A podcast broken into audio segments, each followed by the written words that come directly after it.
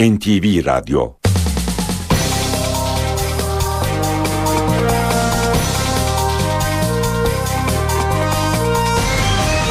İşe Giderken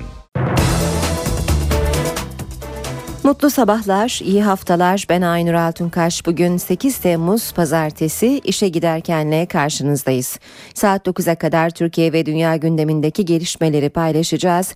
Gazete manşetlerini, yol ve hava durumlarını aktaracağız. Önce gündemin öne çıkan başlıklarına bakalım.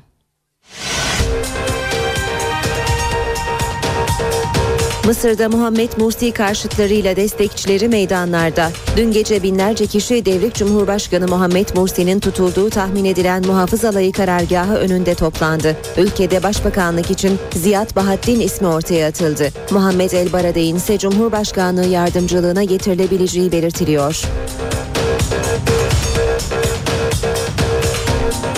İstanbul Valisi Hüseyin Avni Mutlu Gezi Parkı'nın bugün açılacağını söyledi. CHP Genel Başkanı Kemal Kılıçdaroğlu ve BDP İstanbul Milletvekili Sırrı Süreyya Önder dün parkı ziyaret etti. Kılıçdaroğlu yargının verdiği karar önemli, parkta yapılaşmaya izin verilemez dedi.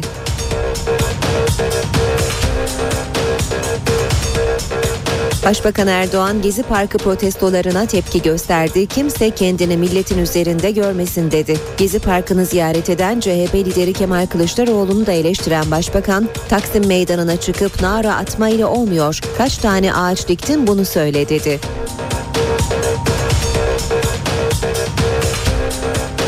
Taksim'de cumartesi günü pala ve sopalarla göstericilere saldıran 4 kişi tutuksuz yargılanmak üzere serbest bırakıldı.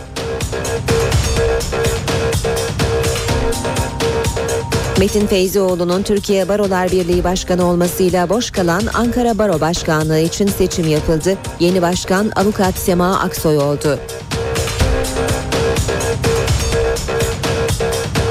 Dün yapılan Boğaziçi kıtalar arası yüzme yarışlarında rekor kırıldı. 6500 metrelik parkurda gerçekleştirilen yarışı Hasan Emre Musluoğlu dördüncü kez kazandı. Musluoğlu 39 dakikalık süreyle 25 yıllık organizasyonun en iyi derecesini yaptı.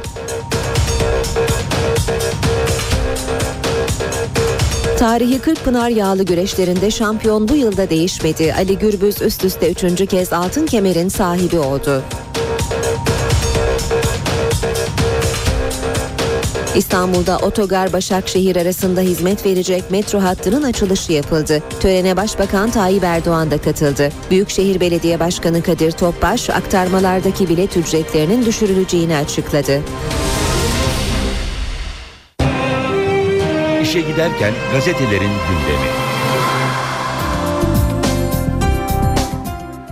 Gündemdeki gelişmeler bakalım gazetelere nasıl yansımış? Hürriyet gazetesine bakacağız önce. Pala serbest diyor Hürriyet manşette.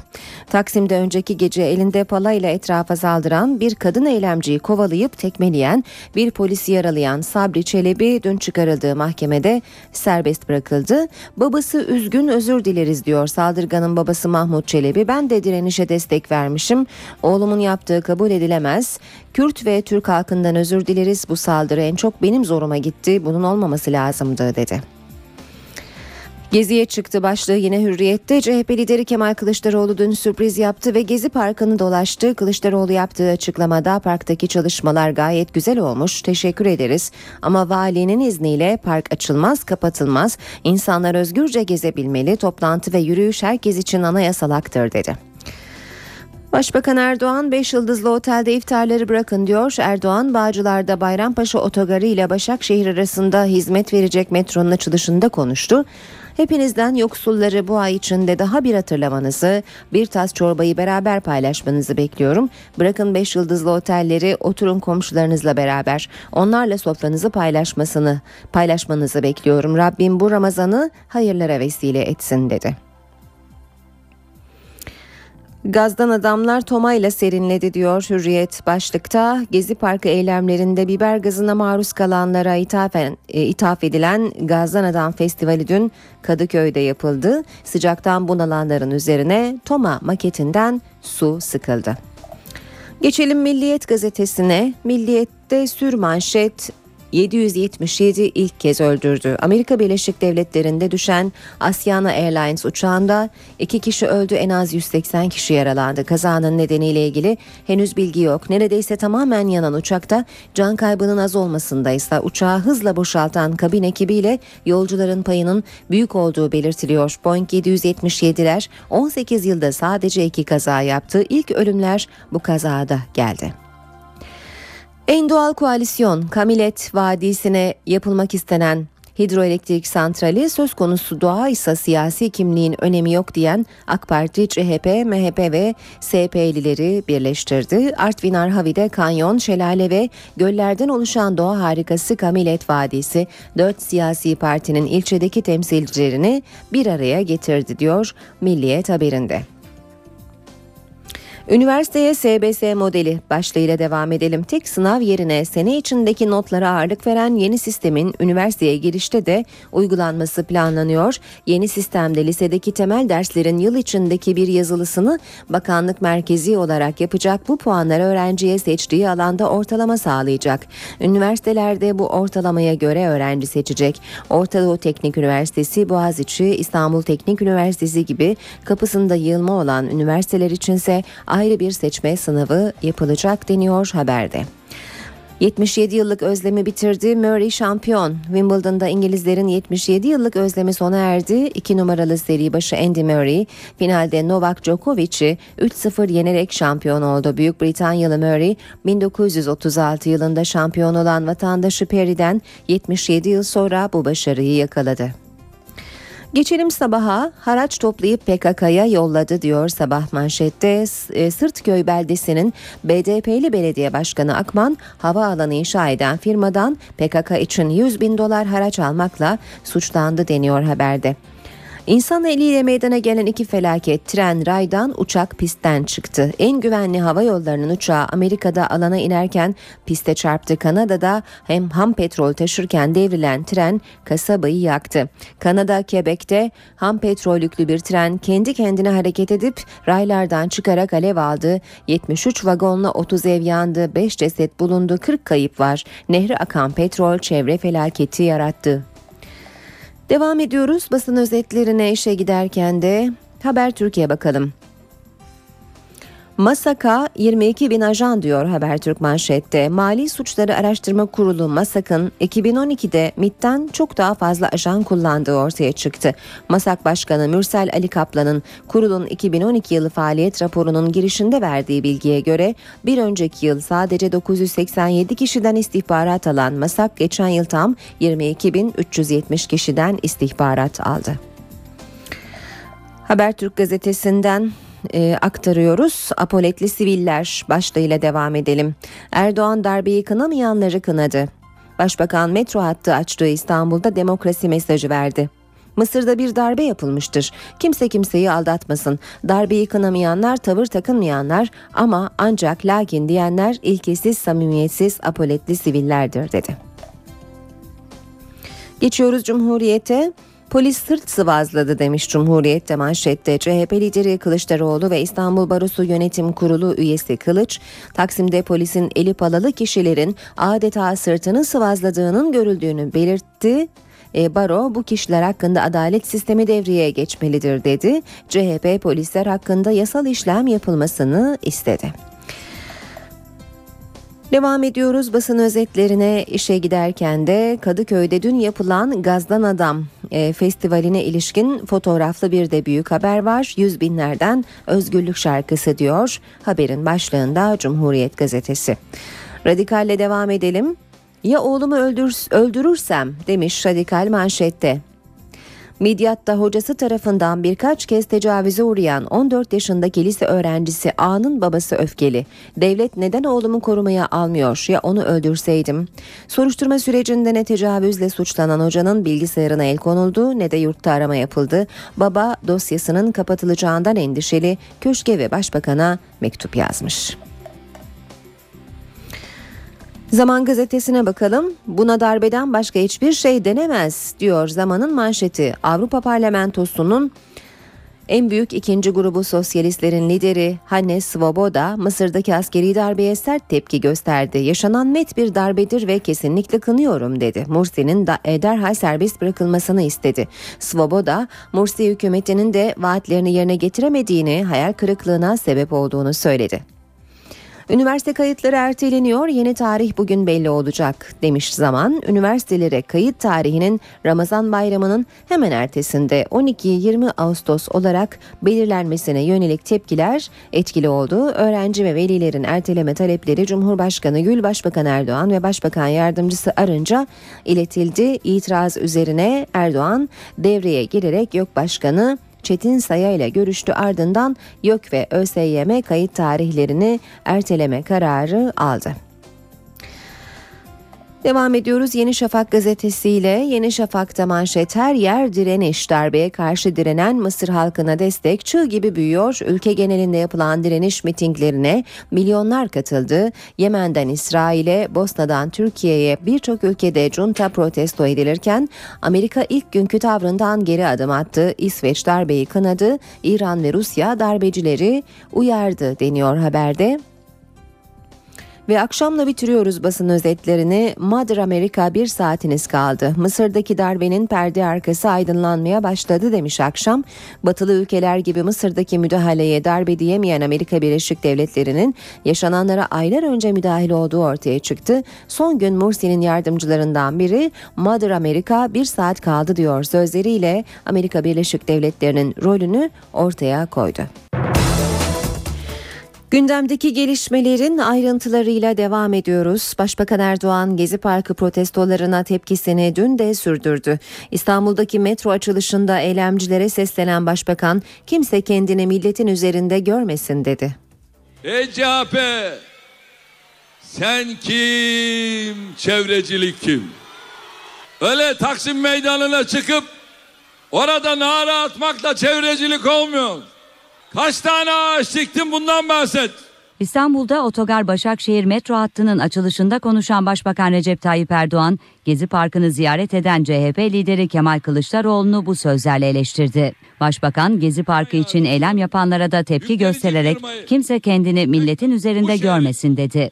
Bu İstanbul'un geleceğiyle ilgili, projeleriyle ilgili söz sahibi olan yağmacılar değildir vandallar değildir.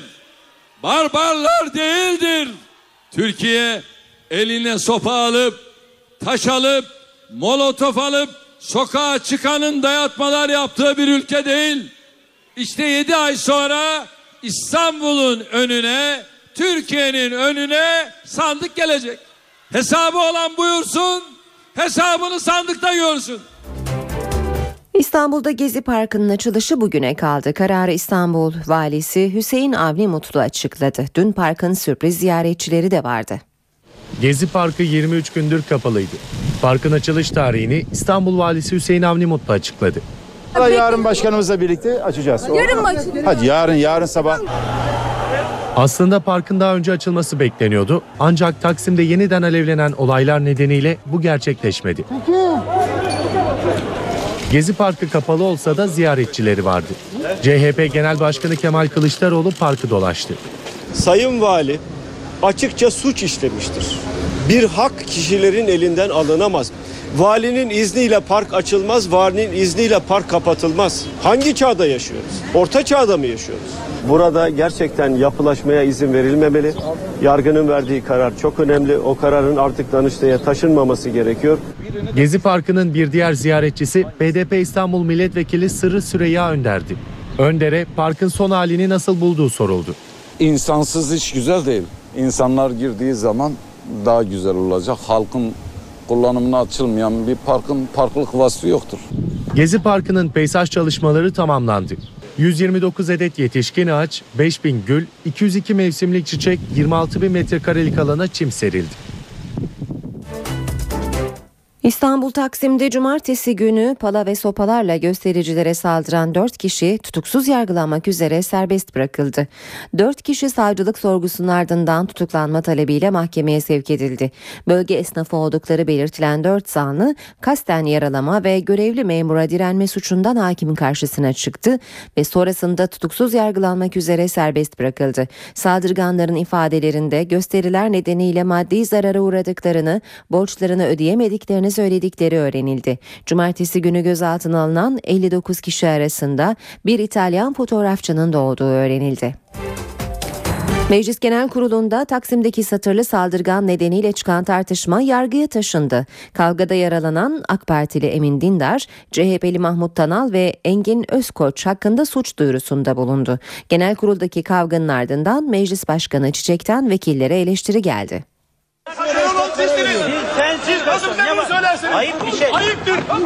Meclis Genel Kurulu'nda yaşanan bu kavga siyasetin yeni gündem maddesi. CHP'lilerin Taksim'deki satırlı saldırılarla ilgili bilgi istemesi üzerine yaşanan arbedede kaşı açılan AK Parti Şırnak Milletvekili Emin Dindar kavgayı yargıya taşıdı.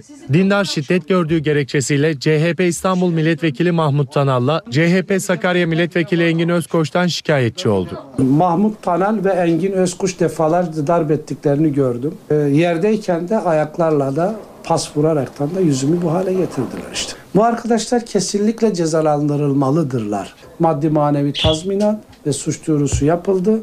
Ben hakkımdan vazgeçmem. Sayın Başbakan'ı aradı. 10 dakika konuştuk. Fikirlerimizi birbirlerimize ilettik. Hem fikiriz bu konuda.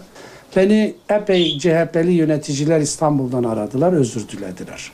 Başbakan Yardımcısı Bekir Bozdağ, olay sırasında oturduğu komisyon sıralarına doğru yürüyen CHP'li Tanal'ın kendisine vurmak için üzerine geldiğini söyledi. Bozdağ, Sayın Kamer Genç geçen dönem bir taneydi mecliste, o bir şekilde idare edilebiliyordu ama şu anda Kamer Genç'in klonlanmış hali çoğaldı diye konuştu. Ayıp bir şey. Ayıptır. CHP'li Mahmut Tanal'ın bu suçlamalara yanıtı gecikmedi. Arbede sırasında o vatandaşı o, yani o vekili hiç görmedim. Zaten e, komple bir e, 200 kişi üzerimize saldırmış durumda. Onu itmiş olabilirler. Onun kafası bir yere değmiş olabilir. Yani boşu boşuna gürültüye niyazi gitti. İşte bizi kendine sebep gösteriyor. Bekir Bozdağ bu o şekilde e, partimizi suçlayıcı e, cümleler sarf etmemiş olsaydı genel kurul normal rutinde gidiyor zaten. Meclis Başkanı Cemil Çiçek de kavgalara tepki gösterdi. Çiçek maalesef bu dönem bir türlü ölçü tutturulamamıştır. Herkesi sorumlu olmaya ve olaylardan ders çıkarmaya davet ediyorum dedi. İstanbul Kadıköy'de Gazdan Adam Festivali yapıldı. Binlerce kişi rıhtımı doldurdu. Festivale çok sayıda sanatçı destek verdi. Gezi Parkı eylemcileri Kadıköy'de Gazdan Adam Festivali'nde bir araya geldi. Binlerce kişi Kadıköy rıhtımını doldurdu. Festivale çok sayıda sanatçı da katıldı. Ben o halkın bir parçasıyım. Yani destek e, vermenin ötesinde onlar da bize destek veriyor sanatçılara. Yani biz birlikte bir mücadelenin içindeyiz. Etkinliğe Bulutsuzluk Özlemi, Kurtalan Ekspres ve Cem Adrian gibi sanatçılar şarkılarıyla destek verdi. Boğaziçi Caz Korosu ve Çapulcular Korosu gibi Gezi Parkı eylemlerinde öne çıkan gruplar da sahnedeydi.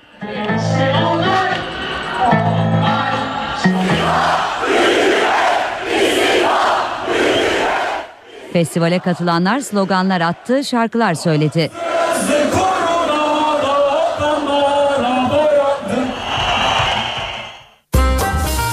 İşe giderken Başbakan Erdoğan Mısır'da yaşananlarla ilgili Avrupa Birliği ve Birleşmiş Milletleri eleştirdi. İstanbul'daki metro açılışında konuşan Erdoğan, Avrupa Birliği çıkıp Mısır'daki darbeyi kınayan, hatta darbeye derba diyen net bir açıklamayı henüz yapamadı. Hani sizin Avrupa Birliği müktesebatınız niye ona saygı duymuyorsunuz dedi. Suriye'de 100 bin insanın öldürüldüğünü söyleyen Başbakan Erdoğan orada da darbe rejimi vardır orada da demokrasi yok her darbeyi kınıyoruz dedi. Başbakan Birleşmiş Milletler Genel Sekreteri Ban Ki-moon'la da bir telefon görüşmesi yaptı. Görüşmede Mısır'daki son gelişmeler ele alındı. Başbakanlıktan yapılan açıklamaya göre Erdoğan Ban Ki-moon'a Mısır'da sivil iradeyi yok sayan bir darbeyle demokratik sürecin askıya alınmasından kaygılıyız dedi. Mısır'da tarafların aklı selimle hareket etmelerinin her türlü şiddet, çatışma ve tahrikten uzak durmalarının önemine dikkat çekti. Başbakan Erdoğan görüşmede ülkede en kısa sürede seçimlere gidilmesinin ve halkın iradesine saygı çerçevesinde sivil yönetimin bir an önce tesis edilmesinin gerekliliğini de vurguladı. Erdoğan Almanya'da düzenlenen demokrasiye saygı mitinginde de Mısır konusuna değindi. Almanya'nın Düsseldorf kentinde düzenlenen demokrasiye saygı mitingine Avrupa'nın farklı ülkelerinden binlerce Türk katıldı. Başbakan Recep Tayyip Erdoğan mitinge telekonferans aracılığıyla katıldı. Erdoğan'ın gündeminde Mısır'daki darbe vardı. Biz darbelerle gelen yönetimlere eyvallah edemeyiz. Şunu unutmayın. Biz halkın iradesine saygı duymayanlara saygı duyamayız. Çünkü biz Türkiye'mizde bunun bedelini çok ödedik. Mısır'daki kardeşlerimizin de aynı bedeli ödemesini istemiyoruz. Bizim Mısır halkına Bizim sevgimiz sonsuzdur Mısır diyen Erdoğan, sorun darbe yönetimiyledir dedi. sonsuzdur. Mitingde Kültür Bakanı Ömer Çelik, AK Parti Dış İlişkilerden sorumlu Genel Başkan Yardımcısı Mevlüt Çavuşoğlu da yer aldı. Birilerinin pusu kurarak, tuzak kurarak bir ülkenin kaderine el koyması, bir ülkenin geleceğini karartması, demokrasiyi yok etmesi, demokrasi yerine askeri darbeyi ya da askeri cuntayı ikame etmesini kabul etmiyoruz. Mısır'da ise Muhammed Mursi karşıtlarıyla destekçileri meydanlarda siyasi arenada ise başbakanlık koltuğu için Ziyad Bahattin ismi ortaya atıldı. Ancak görüşmelerde kilit rol oynayan Selefi Nur Partisi bu isme de karşı çıktı. Mısır Cumhurbaşkanlığı Sözcüsü başbakanlık görevinin sosyal demokrat kimliğiyle bilinen Ziyad Bahattin'in atanabileceğini söyledi. Sözcü başbakanlık için adı geçen ancak bazı grupların tepkisi sonrası ataması yapılmayan Muhammed El Baradey'in Cumhurbaşkanlığı yardımcılığına getirilebileceğini duyurdu. Ancak yeni başbakan seçimindeki görüşmelerde kilit rol oynayan Selefi Nur Partisi'nin bu ismi de reddettiği açıklandı. Cumhurbaşkanlığı sözcüsü ayrıca Müslüman kardeşlerin seçimlere katılabileceğini de belirtti. Sokaklarda ise hareketlilik devam ediyor. Mursi karşıtları yine Tahrir Meydanı'nda toplandı. Binlerce kişi havai fişek gösterileri eşliğinde sevinç gösterileri düzenledi. Mursi destekçileri ise Adeviye Meydanı'yla Devlet Cumhurbaşkanı Muhammed Mursi'nin tutulduğu tahmin edilen muhafız alayı karargahı önünde toplandı. Rusya Devlet Başkanı Vladimir Putin Mısır'ın iç savaşa sürüklenme riskiyle karşı karşıya olduğunu söyledi. Rus lider bu açıklamayı Kazakistan ziyareti sırasında yaptı. Rus Devlet Haber Ajansı'na konuşan Putin, Suriye zaten iç savaşın pençesinde, Mısır da aynı yönde ilerliyor dedi.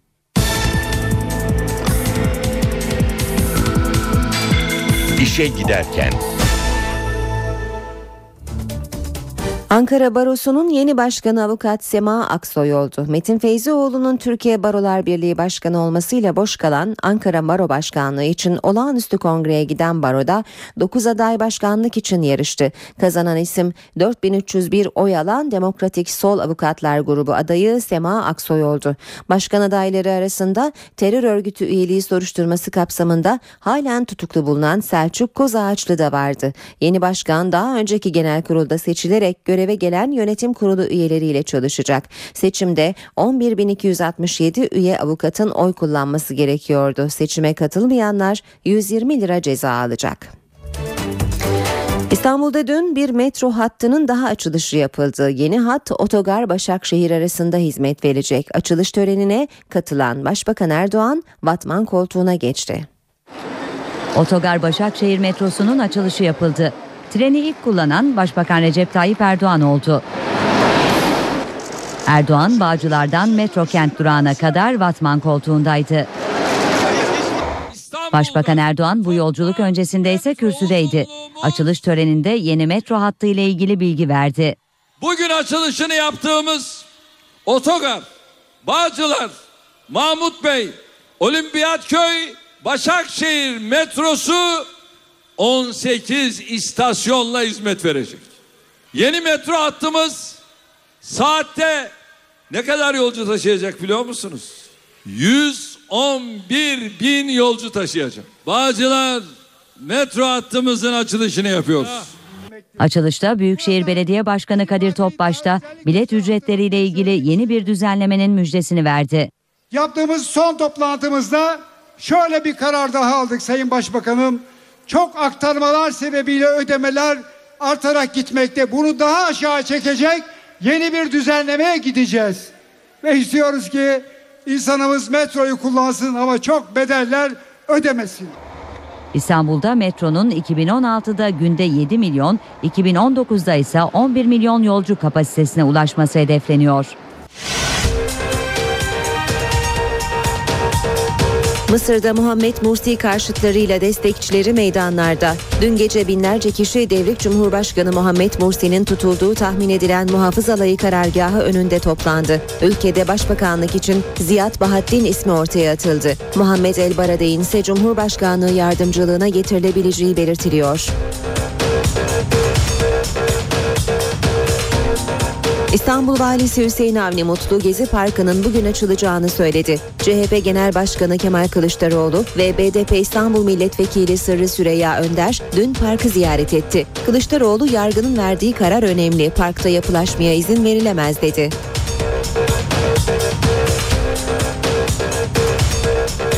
Başbakan Erdoğan Gezi Parkı protestolarına tepki gösterdi. Kimse kendini milletin üzerinde görmesin dedi. Gezi Parkı'nı ziyaret eden CHP lideri Kemal Kılıçdaroğlu'nu da eleştiren Başbakan, Taksim Meydanı'na çıkıp nara atmayla olmuyor. Kaç tane ağaç diktin bunu söyle dedi.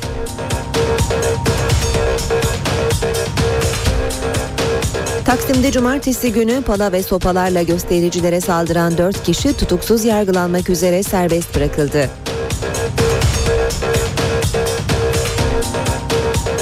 Metin Feyzioğlu'nun Türkiye Barolar Birliği Başkanı olmasıyla boş kalan Ankara Baro Başkanlığı için seçim yapıldı. Yeni başkan avukat Sema Aksoy oldu.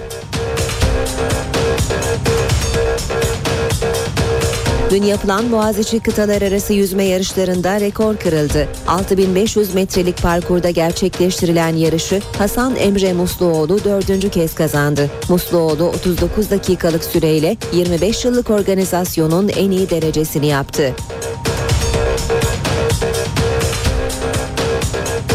Tarihi Kırkpınar yağlı güreşlerinde şampiyon bu yılda değişmedi. Ali Gürbüz üst üste üçüncü kez altın kemerin sahibi oldu. İstanbul'da Otogar Başakşehir arasında hizmet verecek metro hattının açılışı yapıldı. Törene Başbakan Tayyip Erdoğan da katıldı. Büyükşehir Belediye Başkanı Kadir Topbaş aktarmalardaki bilet ücretlerinin düşürüleceğini açıkladı. İşe giderken gazetelerin gündemi.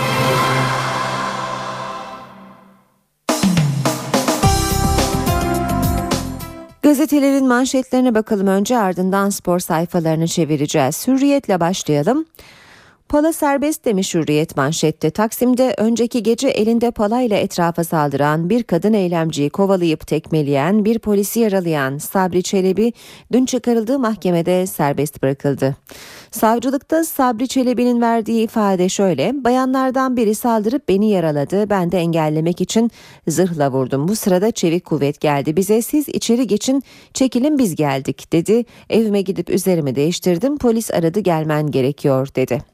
Saldırganın babası Mahmut Çelebi'den açıklama var. Ben de direnişe destek vermişim. Oğlumun yaptığı kabul edilemez. Kürt ve Türk halkından özür dileriz. Bu saldırı en çok benim zoruma gitti. Bunun olmaması lazımdı dedi. Devam ediyoruz yine Hürriyet gazetesinden aktarmaya. Gazdan adamlar Toma'yla serinledi. Gezi Parkı eylemlerinde biber gazına maruz kalanlara ithaf edilen Gazdan Adam Festivali dün Kadıköy'de yapıldı. Sıcaktan bunalanların üzerine Toma maketinden su sıkıldı. E, basın özetlerine devam edeceğiz. E, yeni bir gelişmeyi aktaralım. Mısır'dan Mursi destekçilerine açılan ateşte 34 kişinin öldüğü bildiriliyor. Haberin ayrıntılarını aktaracağız. İlk gelen bilgi Mursi destekçilerine açılan ateşte 34 kişinin öldüğü yönünde. Bu haberle ilgili ayrıntıları programımız içinde sizlere duyuracağız. Devam edelim hürriyetten. 5 yıldızlı otelde iftarları bırakın. Başbakan Erdoğan Bağcılar'da Bayrampaşa otogarıyla Başakşehir arasında hizmet verecek metronun açılışında konuştu. Bırakın 5 yıldızlı otelleri oturun komşularınızla beraber onlarla sofranızı paylaşmanızı bekliyorum. Rabbim bu Ramazan Ramazan'ı hayırlara vesile etsin dedi. Milliyet gazetesinde manşet en doğal koalisyon. Kamilet Vadisi'ne yapılmak istenen hidroelektrik santrali söz konusu doğaysa siyasi kimliğin önemi yok diyen AK Parti, CHP, MHP ve SP'lileri birleştirdi. Söz konusu parti üyeleri ağaçların kesileceği yol çalışmasının başlaması üzerine geçen hafta kol kola eylem yaptığı deniyor haberin ayrıntılarında. Geçelim sabaha. Sabahta manşet haraç toplayıp PKK'ya yolladı. Sırtköy beldesinin BDP'li belediye başkanı Akman havaalanı inşa eden firmadan PKK için 100 bin dolar haraç almakla suçlandı. Cumhuriyette manşet polis sırt sıvazladı.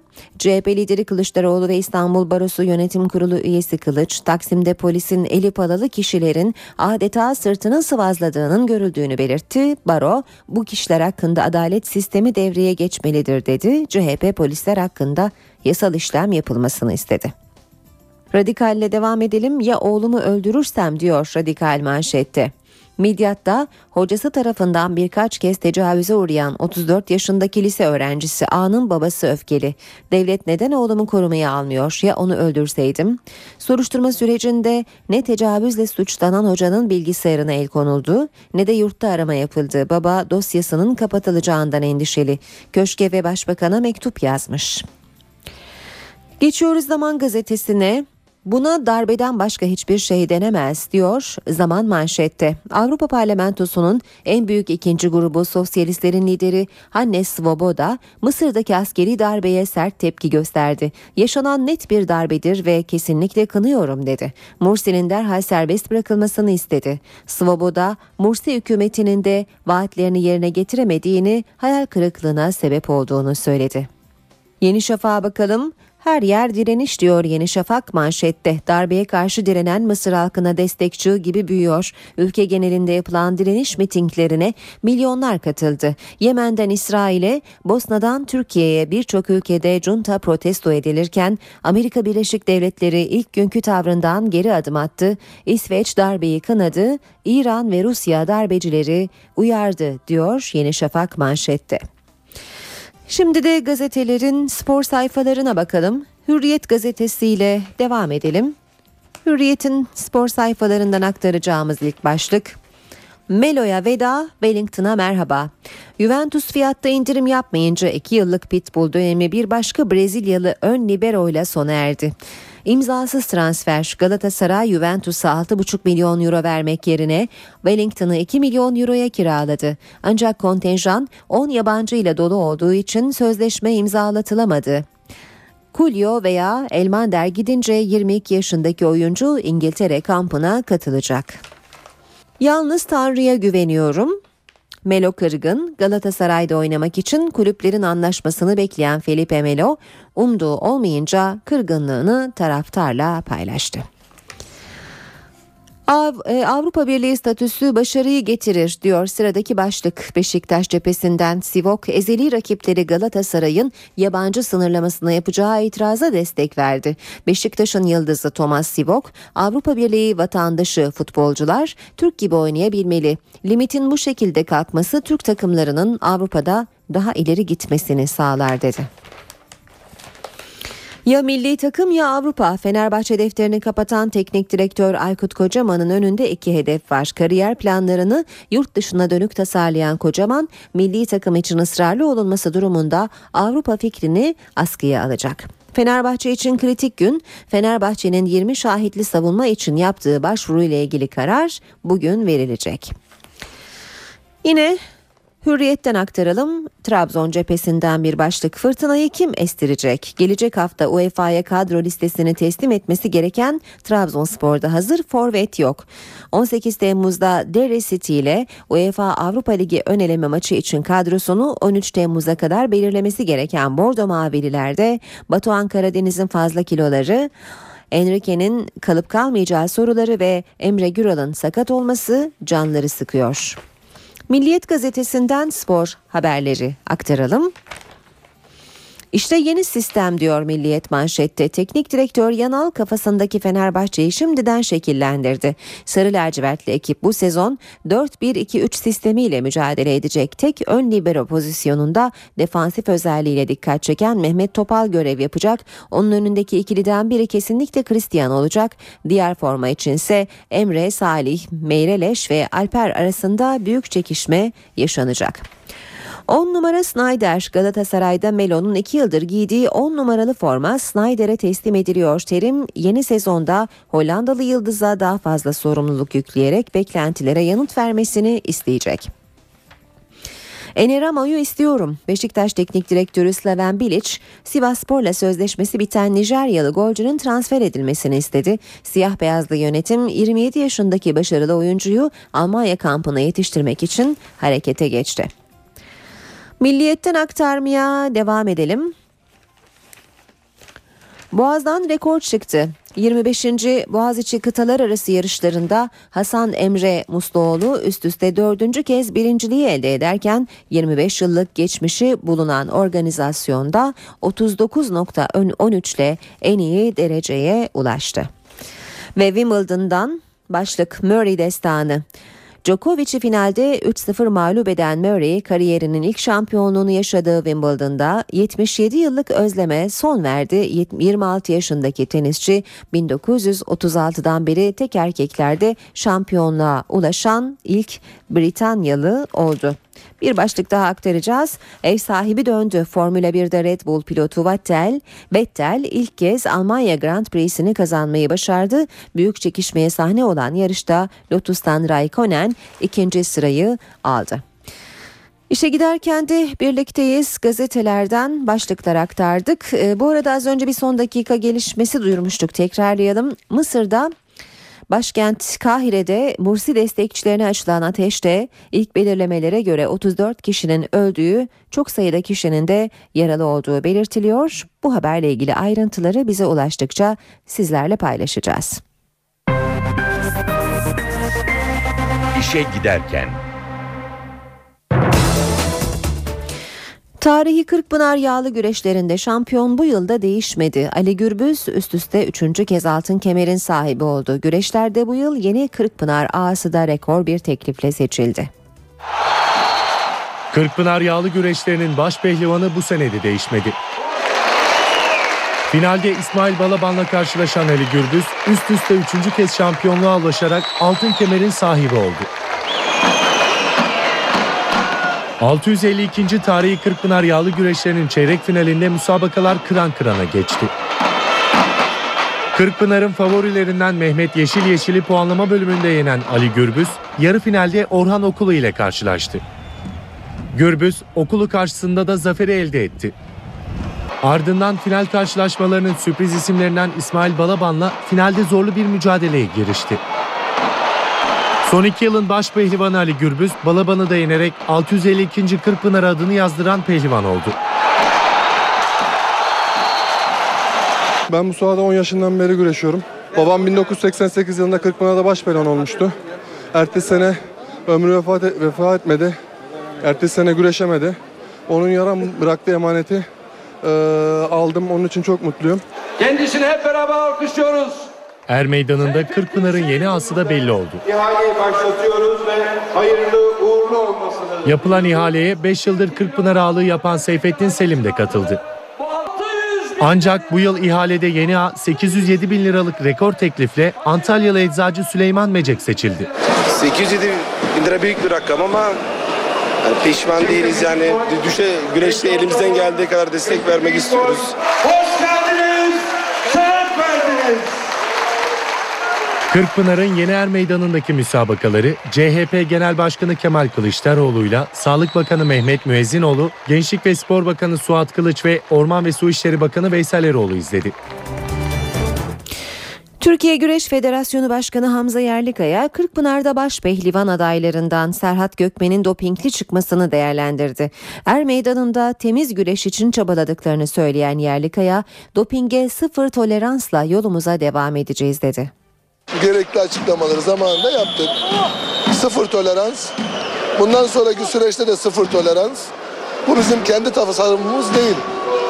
Bu bizim kendi tasarrufumuz olmadığı gibi aynı zamanda VADA'nın, Milli Olimpiyat Komitesi'nin, Gençlik ve Spor Bakanlığı'nın Güreş Federasyonu'nun ortak çalışmasıyla yapılan bu uygulama. Biz şunu söylüyoruz. Temiz güreş, yani temiz yağlı güreş, temiz güreşçi, başarılı yiğitlerin el meydanında görmeyi arzu ediyoruz. Kırkpınar'da baş pehlivan sürpriz olmadı ama finalde karşılaştığı rakibi kimsenin tahmin etmediği bir isimdi. Finale kadar yükselen 19 yaşındaki İsmail Balaban'ın başarısının ardında zorlu ve azim dolu bir hikaye var. Baş pehlivan olup altın kemeri Antalya'ya hediye etmek hedefimiz bu. Analar çeker zahmeti, babalar bilir kıymeti. Altın kemer gelmedi ama Antalyalı ikiz pehlivanlardan İsmail Balaban Kırkpınar'da finale kadar yükselmeyi başardı. Davullar vursun dengi dengine. 19 yaşındaki sporcunun Kırkpınar'a uzanan hikayesi oldukça ilginç.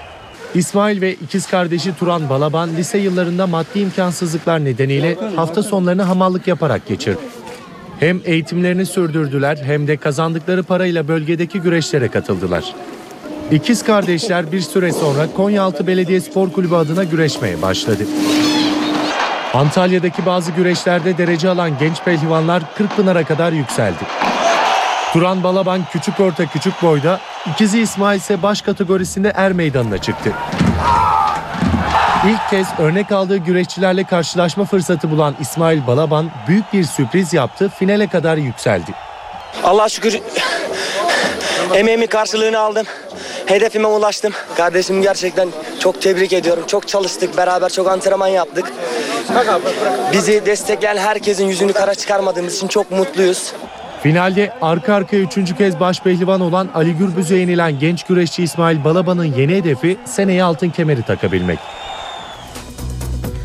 Boğaziçi kıtalar arası yüzme yarışları dün İstanbul'da yapıldı. Kanlıca ile Kuruçeşme arasında yapılan yarışta Hasan Emre Musluoğlu 25 yıllık organizasyonun en iyi derecesini yaptı. Boğaziçi kıtalar arası yüzme yarışına katılan sporcular İstanbul Boğazı'nda geçmek için Kanlıca'da bir araya geldi. Henüz yarışlar başlamadan önce Taksim protestosu yaşandı. Ardından sporcular Boğaz'ın serin sularına atladı. 55 ülkeden 1426 sporcu yarışlara katıldı. Yaklaşık 6500 metrelik parkurda gerçekleştirilen yarışı üst üste dördüncü kez Hasan Emre Musluoğlu kazandı. Musluoğlu 39 dakika 13 saniye ile 25 yıllık organizasyonun en iyi derecesini yaptı. Kuvvetli alkışlarınızla 39 oluşlu. Arkadaşlar indirin telefonları. Birinciye madalyasını efsanevi Avustralyalı yüzücü Ian Thorpe verdi. Engelliler kategorisinde ise Alper Ceylan Tepe birinci oldu. Ödülünü Gençlik ve Spor Bakanı Suat Kılıç verdi. Kamu personeli seçme sınavı heyecanı dün de devam etti. Sabah ve öğleden sonra yapılan iki oturumda adaylar memur olabilmek için ter döktü. Kamu personeli seçme sınavında 3. ve 4. oturumlar yapıldı. 5 farklı alanda 40'ar sorunun yer aldığı sınavlar 210 dakika sürdü. Bir yıldır falan hazırlanıyordum. Geçen seneden de puanım vardı. Yükseltmek için girmiştim. Güzel geçti ama. Sorular kimine zor, kimine kolay geldi. Geçen sene ve önceki senelere göre daha e, basit, biraz daha e, kolayla, kolay sorular vardı. Çok zor geçmedi. Çok fazla hazırlanmamıştım. Kursa falan gitmemiştim. Bir dahakine inşallah. Geçen yıllara göre biraz daha kolay geldi bana.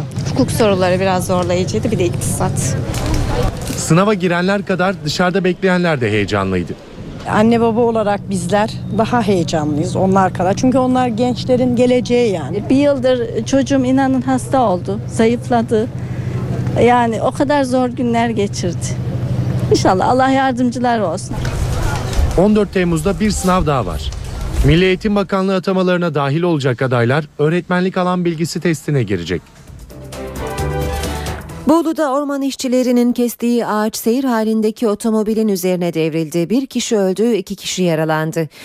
Yemişen mevkiinde ormanda işçiler tarafından kesilen çam ağacı Seben'den Bolu'ya gidenlerin işinde bulunduğu otomobilin üzerine devrildi. Sürücü Murat Öztürk hayatını kaybetti. 10 yaşındaki Burak Öztürk ile 19 yaşındaki Mahmut Turgut yaralandı. Bursa'nın İnegöl ilçesinde baraj göletinde balık tutmaya giden ikiz kardeşler boğularak hayatını kaybetti. 18 yaşındaki Hakan Şentürk ile ikiz kardeşi Gökhan Şentürk balık tutmak için dün öğle saatlerinde Baba Sultan göletine gitti. Hakan Şentürk dengesini kaybederek suya düşünce ikizi de suya girerek kardeşini kurtarmaya çalıştı. Yüzme bilmeyen kardeşler bir süre sonra çırpınarak suda kayboldu. İkiz kardeşlerle aynı noktada balık tutan komşuları durumu jandarmaya bildirdi. Yalova'dan çağrılan sualtı ekibi ikizlerin cesedini sudan çıkardı. NTV Radyo Herkese yeniden günaydın. Ben Aynur Altunkaş. Yeni saatte hava durumunu konuşarak başlayacağız ama önce gündemin başlıklarını hatırlatalım. Mısır'da tansiyon yüksek. Kahire'deki Cumhuriyet Muhafızları karargahı önünde Muhammed Mursi'ye destek veren göstericilere açılan ateşte 34 kişi öldü. Çok sayıda yaralı olduğu da belirtiliyor. Binlerce kişi Mursi'nin bulunduğu tahmin edilen Cumhuriyet Muhafızları kışlası önünde günlerdir eylem yapıyor. İstanbul Valisi Hüseyin Avni Mutlu Gezi Parkı'nın bugün açılacağını söyledi. CHP Genel Başkanı Kemal Kılıçdaroğlu ve BDP İstanbul Milletvekili Sırrı Süreyya Önder dün parkı ziyaret etti. Kılıçdaroğlu, yargının verdiği karar önemli, parkta yapılaşmaya izin verilemez dedi. Başbakan Erdoğan Gezi Parkı protestolarına tepki gösterdi. Kimse kendini milletin üzerinde görmesin dedi. Gezi Parkı'nı ziyaret eden CHP lideri Kemal Kılıçdaroğlu'nu da eleştiren başbakan, Taksim Meydanı'na çıkıp nara atma ile olmuyor, kaç tane ağaç diktin bunu söyle dedi.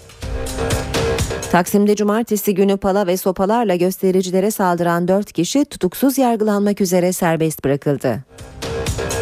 Metin Feyzioğlu'nun Türkiye Barolar Birliği Başkanı olmasıyla boş kalan Ankara Baro Başkanlığı için seçim yapıldı. Yeni başkan avukat Sema Aksoy oldu. Dün yapılan Boğaziçi kıtalar arası yüzme yarışlarında rekor kırıldı. 6500 metrelik parkurda gerçekleştirilen yarışı Hasan Emre Musluoğlu dördüncü kez kazandı. Musluoğlu 39 dakikalık süreyle 25 yıllık organizasyonun en iyi derecesini yaptı.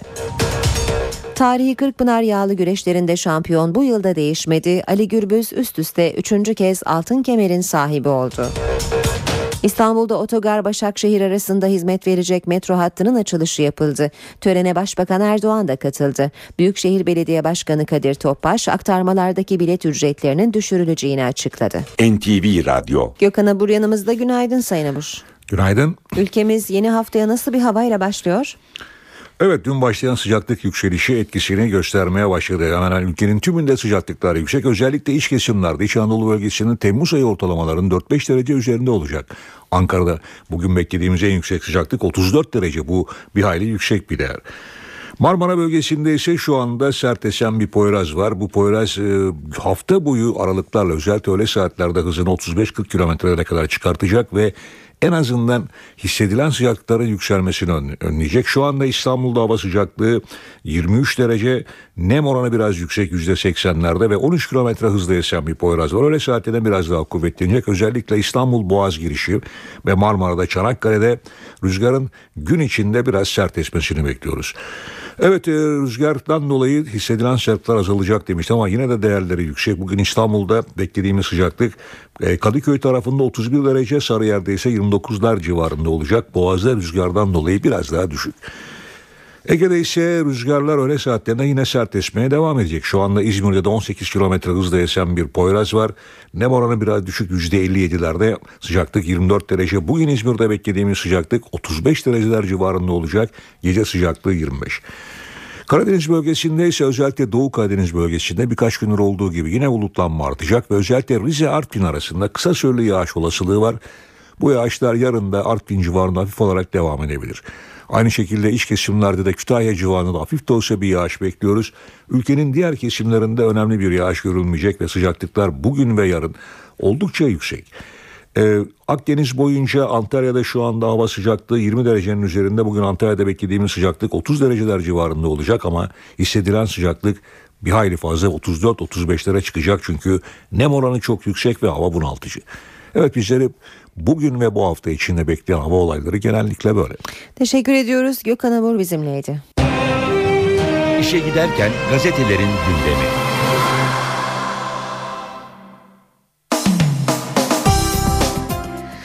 Gündemdeki gelişmelerin gazetelerdeki yankılarıyla devam ediyoruz. Hürriyetle başlıyoruz. Pala serbest diyor Hürriyet manşette. Taksim'de önceki gece elinde pala ile etrafa saldıran bir kadın eylemciyi kovalayıp tekmeleyen, bir polisi yaralayan Sabri Çelebi dün çıkarıldığı mahkemede serbest bırakıldı.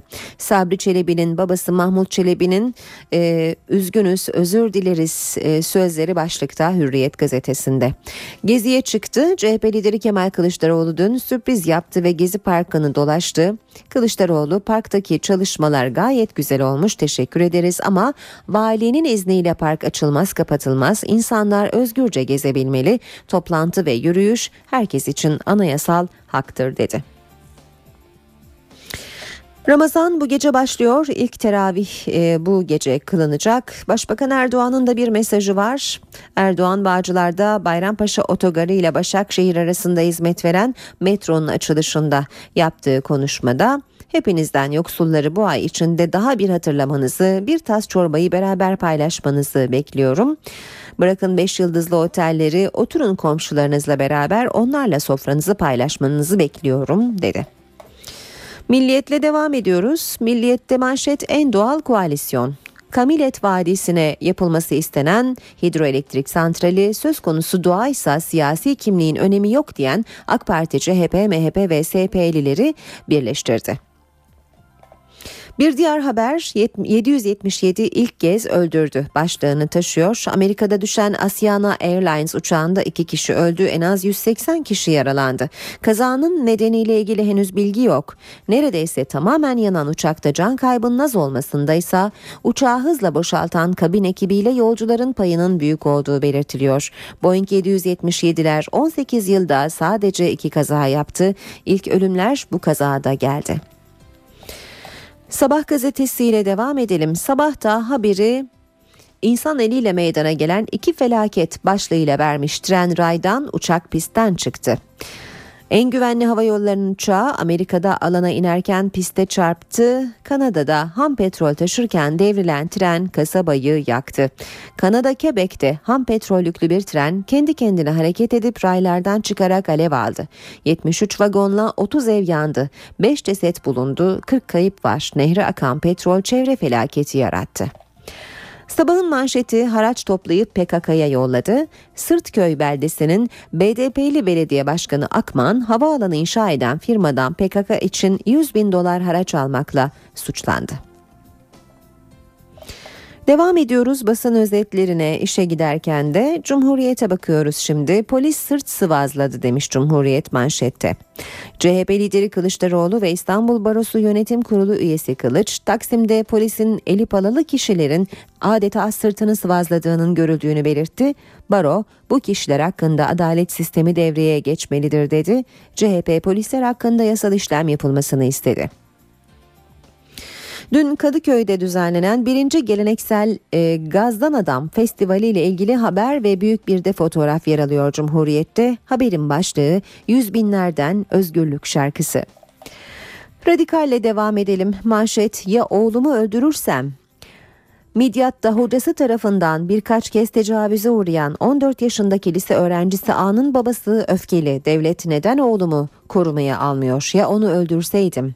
Soruşturma sürecinde ne tecavüzle suçlanan hocanın bilgisayarına el konuldu ne de yurtta arama yapıldı. Baba dosyasının kapatılacağından endişeli. Köşke ve başbakana mektup yazmış. Habertürk'le devam ediyoruz. Habertürk'ün manşeti Masaka 22 bin ajan. Mali Suçları Araştırma Kurulu'nun 2012'de MIT'ten çok daha fazla ajan kullandığı ortaya çıktı. Masak Başkanı Mürsel Ali Kaplan'ın kurulun 2012 yılı faaliyet raporunun girişinde verdiği bilgiye göre bir önceki yıl sadece 987 kişiden istihbarat alan Masak, geçen yıl tam 22.370 kişiden istihbarat aldı. Devam ediyoruz. Habertürk'ten aktardık. Şimdi de akşama bakalım. Akşamda manşet. Mother Amerika bir saatiniz kaldı. Mısır'daki darbenin perde arkası aydınlanmaya başladı. Batılı ülkeler gibi Mısır'daki müdahaleye darbe diyemeyen Amerika Birleşik Devletleri'nin yaşananlara aylar önce müdahil olduğu ortaya çıktı. Son gün Mursi'nin yardımcılarından biri Mother Amerika bir saat kaldı diyor sözleriyle Amerika'nın rolünü ortaya koydu. Zamanda manşet buna darbeden başka hiçbir şey denemez. Avrupa Parlamentosu'nun en büyük ikinci grubu sosyalistlerin lideri Hannes Svoboda Mısır'daki askeri darbeye sert tepki gösterdi. Yaşanan net bir darbedir ve kesinlikle kınıyorum dedi. Mursi'nin derhal serbest bırakılmasını istedi. Svoboda Mursi hükümetinin de vaatlerini yerine getiremediğini, hayal kırıklığına sebep olduğunu söyledi. Devam ediyoruz. Yeni Şafak gazetesiyle Yeni Şafak'ta her yer direniş başlığı manşette darbeye karşı direnen Mısır halkına destekçi gibi büyüyor. Ülke genelinde yapılan direniş mitinglerine milyonlar katılıyor. Yemen'den İsrail'e, Bosna'dan Türkiye'ye birçok ülkede junta protesto edilirken Amerika Birleşik Devletleri ilk günkü tavrından geri adım attı. İsveç darbeyi kınadı, İran ve Rusya darbecileri uyardı diyor Yeni Şafak haberinde. NTV Radyo'da birlikteyiz saat 8.19. Mısır'da başkent Kahire'de Mursi'ye destek veren göstericilere açılan ateşte ölü ve çok sayıda yaralı olduğu bildiriliyor. Kahire sokaklarındaki son durumu kente bulunan NTV muhabiri Can Ertun'a aktarıyor. Kahire'de yeni hafta kanlı başladı. Dün akşam saatlerine, dün e, gecenin ilerleyen saatlerine kadar kitlesel gösterilere sahne olmuştu Kahire. Hem Mursi taraftarlarının hem de Mursi karşıtlarının farklı meydanlarda büyük gösterileri vardı.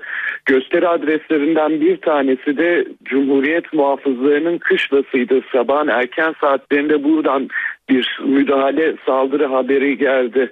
Kışlanın önünde oturma eylemi yapılırken polis ve askerin gazlı e, ve e, gerçek mermiler kullandığı bir müdahale haberi geldi. Kaç kişinin öldüğüyle ilgili resmi bir şu an doğrulanmış bir bilgiye ulaşmak çok güç. Farklı kaynaklar farklı rakamlar veriyorlar ancak iki kaynağın verdiği rakam uyuşmakta. Hastane kaynakları ve Müslüman Kardeşler Sözcüsü Cihat Et Haddad müdahalede 34 kişinin öldüğünü söylüyor ancak bir kez daha söyleyeyim bu şu aşamada doğrulanmaya muhtaç bir rakam. Ancak gelen görüntüler Kahire'den edindiğimiz bilgiler çok sayıda kişinin hayatını kaybetmiş olduğu yönünde. Resmi kaynaklar ölenlerin sayısını daha düşük gösteriyor. Ancak Kahire sokaklarında Cuma günkü gösterilerden sonra hatta o gösterilerden çok daha büyük bir şiddetin hakim olduğunu söyleyebiliriz. Elbette ki bu gerilim ordu birliklerini de harekete geçirmiş durumda. Askeri birliklerde de e, sıra dışı bir hareketlilik söz konusu. Kentin birçok noktasında yolların ulaşıma kapatıldığı bilgisi de diğer taraftan diğer yandan gelen yeni bilgiler arasında. Kahire gergin bir hafta sonunu geride bırakıyordu. Siyasi çözüm konusundaki arayışlar hafta sonu boyunca da devam etmişti. Cumartesi günü Atom Uluslararası Atom Enerjisi Eski Kurumu Başkanı ve e, Mısır siyasetinde liberal sol kesimi temsil eden Muhammed El Baradeyn ismi geçici başbakan olarak telaffuz ediliyordu ancak Baradeyn ismi orduya e, darbe sırasında destek veren bir diğer İslami kuruluş olan Selefi Nur Partisi tarafından destek görmemişti. Bunun üzerine yeni başbakan adaylarının isimleri devreye gelmiş girmişti. Geçici Cumhurbaşkanı e, geçiş sürecini yürüten Adli Mansur'un Ziyad Bahattin'e önerdiği sosyal demokrat bir diğer lider Ziyad Bahattin'i teknokratik başına önerdiği haberi gelmişti. Önce Nur Partisi'nin bu ismi desteklediği o e, söylenmiş ifade edilmiş ancak dün gecenin ilerleyen saatlerinde Selefi Nur Partisi Bahattin'e de destek vermediğini açıklamıştı. Mısır sokakları, Kahire sokakları şiddet haberleriyle çalkalanırken siyasi arenada sağlanmaya çalışan istikrarında bir türlü sağlanamadığını görüyoruz. Kahire'de şiddet gitgide tırmanıyor ancak ülkenin diğer noktalarında da çatışma haberleri geliyor. Bu çatışmaların adreslerinden bir tanesi günlerdir Sina Yarımadası e, olmuştu. Sina'dan da dün yine saldırı haberleri geldi. Orada da askeri ve polis hedefleri, o, polis noktaları hedef alınmakta. Dün akşam ilerleyen saatlerde askeri noktaya düzenlenen saldırıda bir asker hayatını kaybetmişti. Kahire oldukça gergin bir e, haftaya başlamış durumda. Kahire sokaklarında bir yandan Mursi yandaşlarının gösterileri devam ederken bu kanlı müdahalenin bilançosu ne olacak? Herkes onu merak etmekte. Ankara gündemi.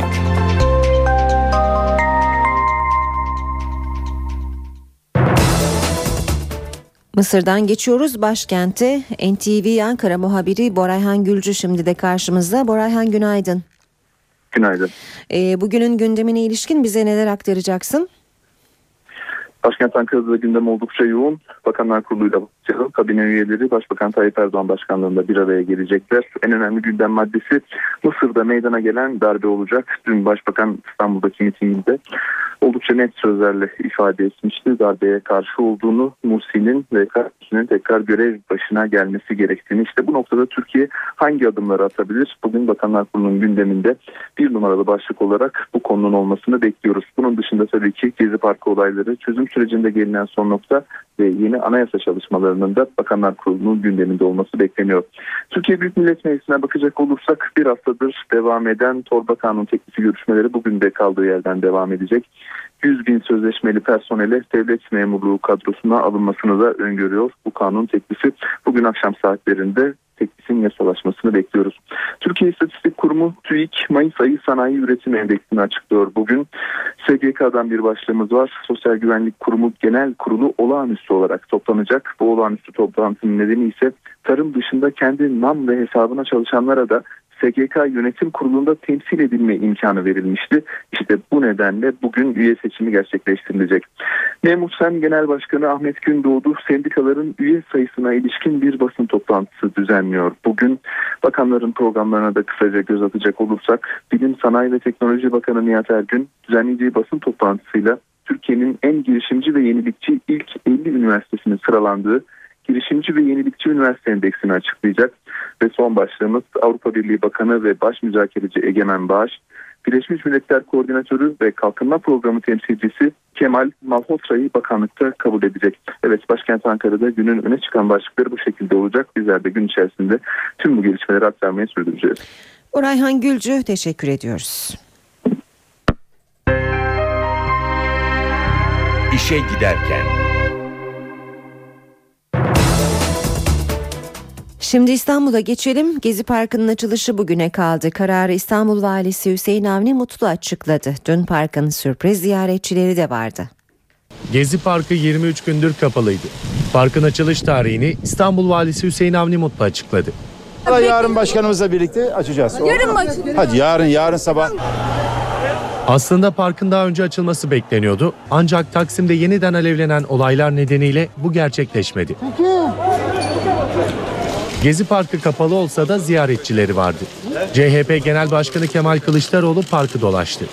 Sayın Vali açıkça suç işlemiştir. Bir hak kişilerin elinden alınamaz.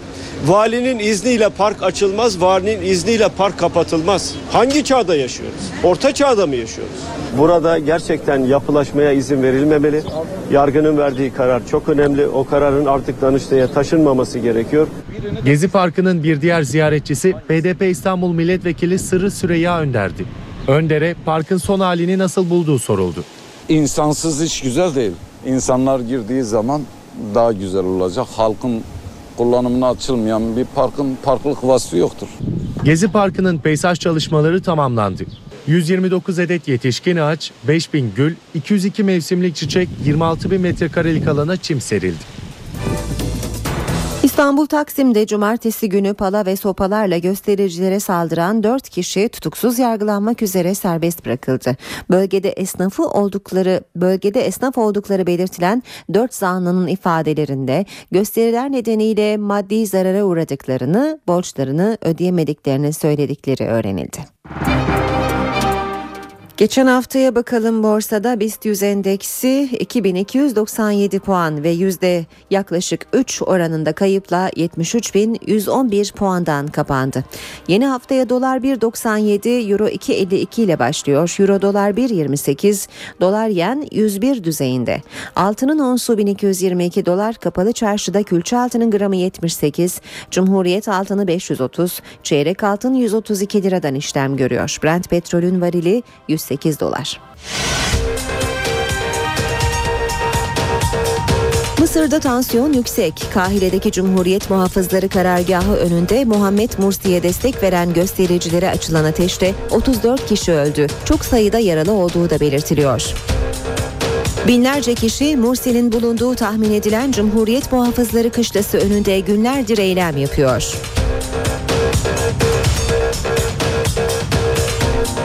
İstanbul Valisi Hüseyin Avni Mutlu Gezi Parkı'nın bugün açılacağını söyledi. CHP Genel Başkanı Kemal Kılıçdaroğlu ve BDP İstanbul Milletvekili Sırrı Süreyya Önder dün parkı ziyaret etti. Kılıçdaroğlu yargının verdiği karar önemli, parkta yapılaşmaya izin verilemez dedi.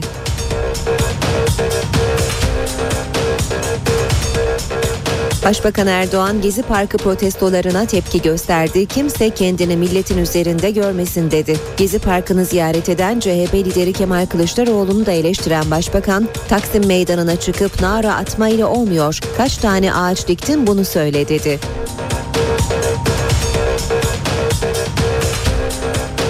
Taksim'de cumartesi günü pala ve sopalarla göstericilere saldıran 4 kişi tutuksuz yargılanmak üzere serbest bırakıldı. Metin Feyzioğlu'nun Türkiye Barolar Birliği Başkanı olmasıyla boş kalan Ankara Baro Başkanlığı için seçim yapıldı. Yeni başkan avukat Sema Aksoy oldu.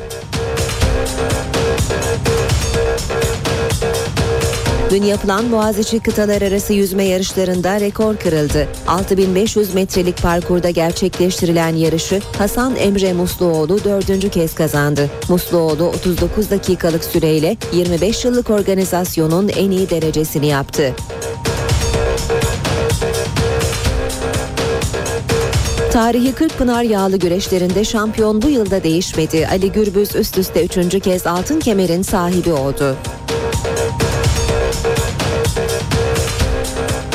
İstanbul'da Otogar Başakşehir arasında hizmet verecek metro hattının açılışı yapıldı. Törene Başbakan Tayyip Erdoğan da katıldı. Büyükşehir Belediye Başkanı Kadir Topbaş aktarmalardaki bilet ücretlerinin düşürüleceğini açıkladı. Gündemin ayrıntılarıyla birlikteyiz işe giderken de. Sayın dinleyenler Mısır'ın başkenti Kahire'deki Cumhuriyet Muhafızları karargahı önünde Muhammed Mursi'ye destek veren göstericilere ateş açıldığını ve en az 34 kişinin öldüğünü duyurmuştuk. Şu anda e, NTV Haber Merkezi'nden bir e, yorum alacağız. E, Yasin Aktay Stratejik Düşünce Enstitüsü Başkanı e, Mısır'daki olayları yorumluyor dinliyoruz. E, teröristlere ateş açıldığı yönünde rastgele ateş açılmış ve 34 kişi şu anda sayının 50'ye kadar ulaştığına dair başka e, haberler de geliyor. 100 ta, 100, yüzden fazla yaralı. Tam bir katliam yani. Yani bu ne adına yapıldı bu e, bu darbe? E, Mursi'nin diktatör olduğu e, şeyle söylentisiyle e, ve iddiasıyla yapıldı. Oysa şu anda halkını gerçek anlamda katleden bir diktatöriyel durum söz konusu. Daha e, iktidara gelir gelmez, daha darbeyi yapar yapmaz 7 televizyon kanalını kapatan yüzlerce yüzlerce e, bir partinin e, meşru temsilcilerini hemen keyfi biçimde tutuklamaya başlayan bir yapı söz konusu. Yani Mursi daha hiç kimseyi tutuklamamıştı. Mursi daha hiç kimsenin televizyonunu kapatmamıştı. Mursi daha hiç kimseye en ufak bir baskı yapmamıştı. Ona söylenen şey benzin sıkıntısına yol açtı. Ona e, yöneltilen eleştiri elektrik sıkıntısına yol açtı. Ona yöneltilen eleştiri iktidara geldikten sonra ekmek krizine yol açtı. İnsanlar ekmek bulamaz hale geldiler falan. Bugün oy, oysa ortaya çıktı ki darbeyi yapanlar hem elektrik sıkıntısına yol açanlardı hem e, benzin sıkıntısına yol aç, aç, açan insanlardı. Aynı grup insanlar. Bir gün sonra zaten bütün o krizleri bir gecede bizim 12 Eylül'de bir terör sorunu bir gecede çözdüğümüz gibi çözüldüğü gibi onlar da bütün bu sorunlarını bir gecede çözmüş oldular. Yani e, tam bir tezgah ve batılı dünyanın buna darbe bile diyemiyor olması e, çok acı bir durum. Çok e, bu içinde yaşadığımız dünyada yıllardır bize anlatılan batılı demokratik değerler, batılı demokrasi, hepimizin örnek almaya çalıştığımız o batılı değerlerin ne kadar e, iki yüzlü e, olduğunun ortaya çıkmış olması e, karşısında aslında e, dünya bundan sonra yepyeni bir dünya e, olacaktır. Bundan hiç kimsenin kuşkusu olmaması gerekiyor bana göre. bu tavrın arkasındaki amaç ne olabilir peki Sayın Aktay? Ee, sadece Afrika Birliği ve Türkiye e, darbe kelimesini rahatlıkla kullanabilen e, ülkeler, siyasi görüşlerini bu yönde açıklayan ülkeler oldu. Dediğiniz gibi e, Avrupa Birliği'nin, Amerika'nın, diğer ülkelerin tavırlarının arkasında ne olabilir?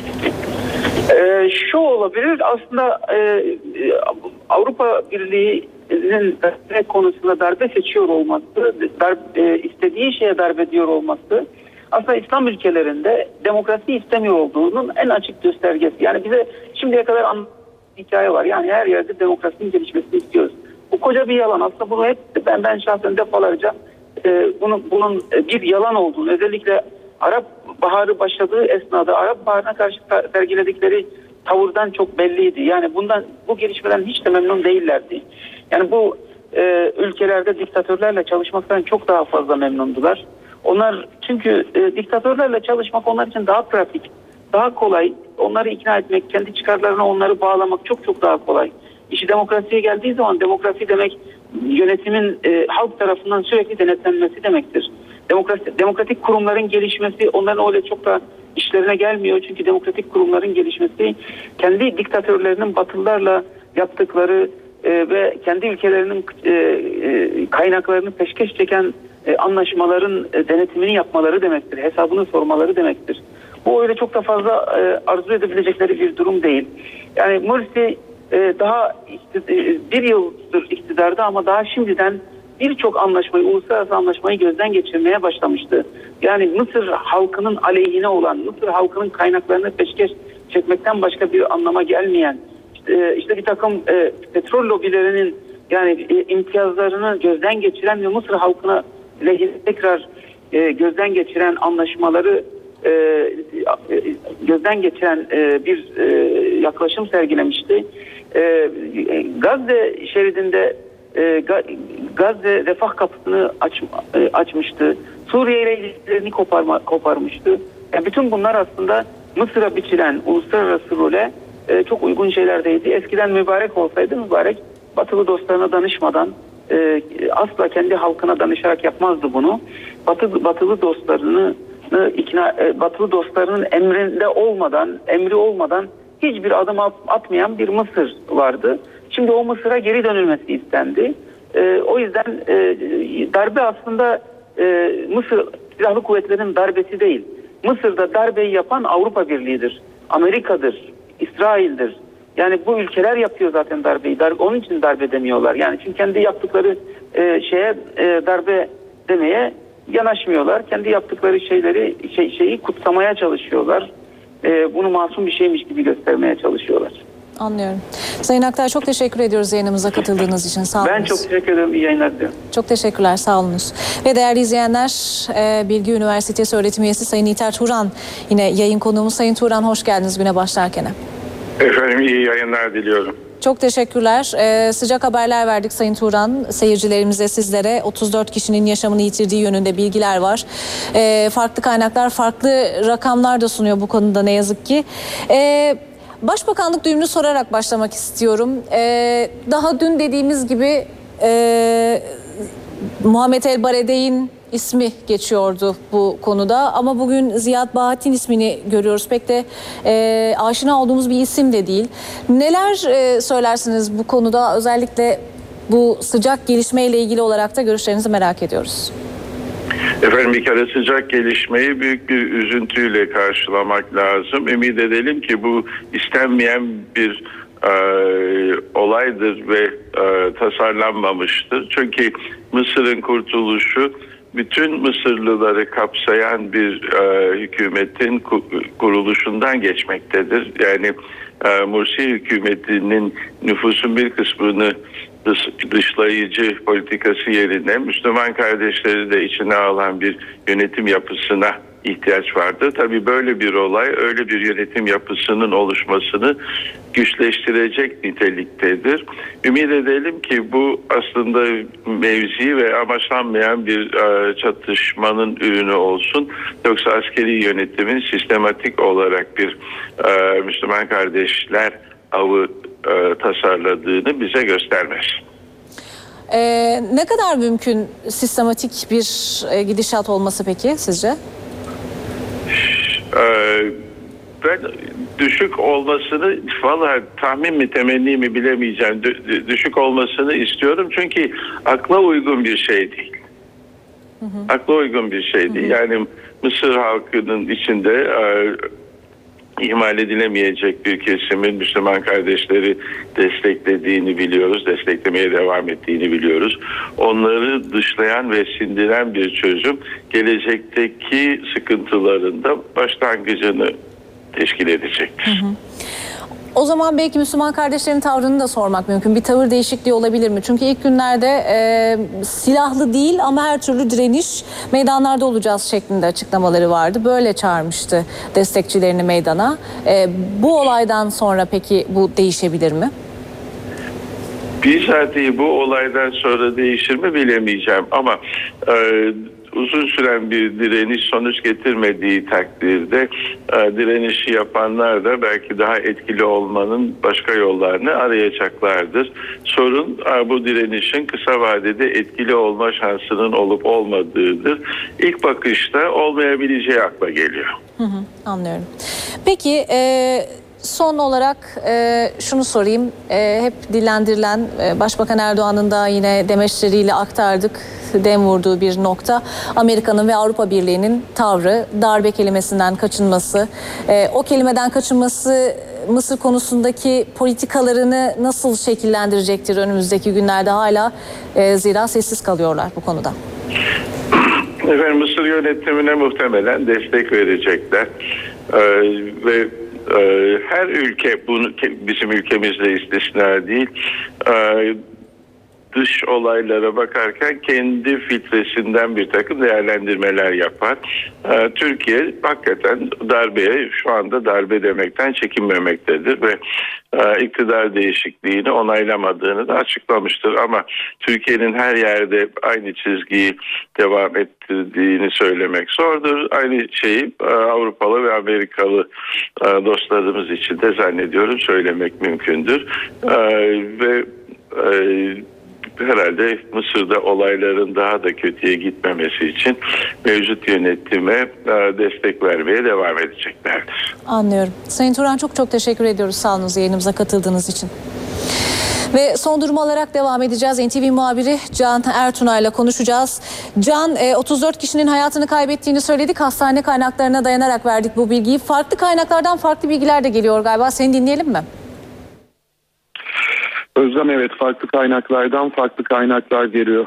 Hastane kaynakları 34 kişinin öldüğünü 500'e yakın yaralı olduğunu söylüyor. Müslüman kardeşler sabaha karşı Cumhuriyet Muhafızları Kışlası önünde barışçıl bir oturma eylemi yaptıklarını bu sırada üzerlerine ateş açıldığını gaz bombalarıyla saldırıldığını söylüyorlar. Ancak ordu kaynaklarından gelen bilgiler farklı yönde. Onlar silahlı saldırı düzenlendiğini, bir askerin bu saldırıda öldüğünü belirtiyorlar ve e, çıkan çatışmada bazı Mursi taraftarlarının da öldüğünü söylüyorlar. Devlet televizyonunun verdiği ölü sayısı 7. Ancak hastane kaynakları olayın ilk yaşandığı andan itibaren çok sayıda kişinin hayatını kaybettiğini belirtmişlerdi. Dışarıya yansıyan görüntüler, amatör video görüntüleri de çok sayıda kişinin cansız bedenlerini hastanede yerde yatarken göstermekte.